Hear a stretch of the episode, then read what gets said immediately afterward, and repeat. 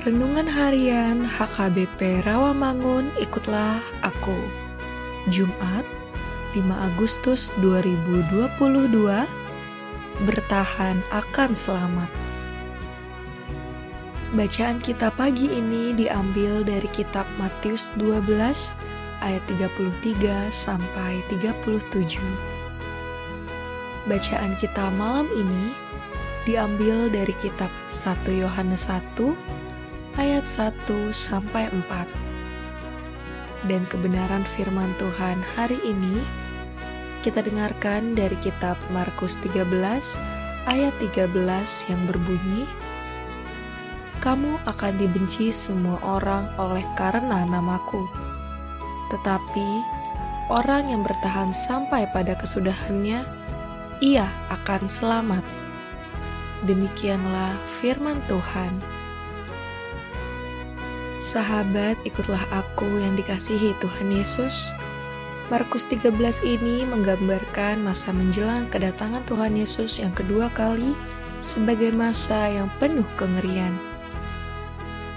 Akan ada banyak orang percaya yang harus mengalami persekusi. Anggota keluarga saling menyerahkan untuk dibunuh. Karena nama Kristus, anak-anak Tuhan akan dibenci. Tidak ada pernyataan bahwa orang percaya akan diluputkan dari kengerian itu.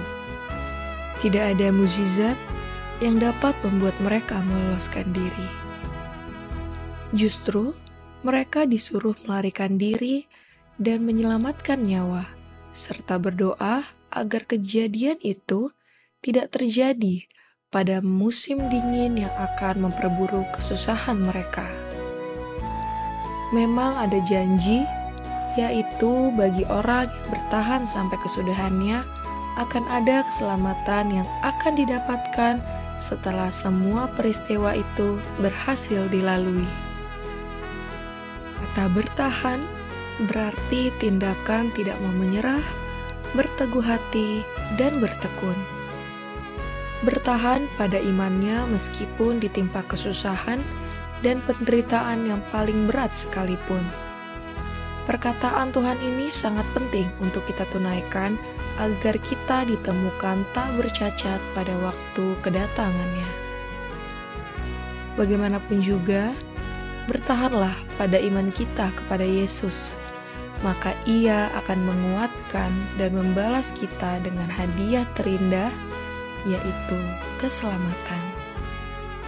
Apa pun yang terjadi, meski ada gangguan dan hambatan, dimusuhi, dikucilkan, disiksa, dan dihianati, sebagai orang Kristen kita harus menjalankan tugas dan tanggung jawab untuk memberitakan Injil.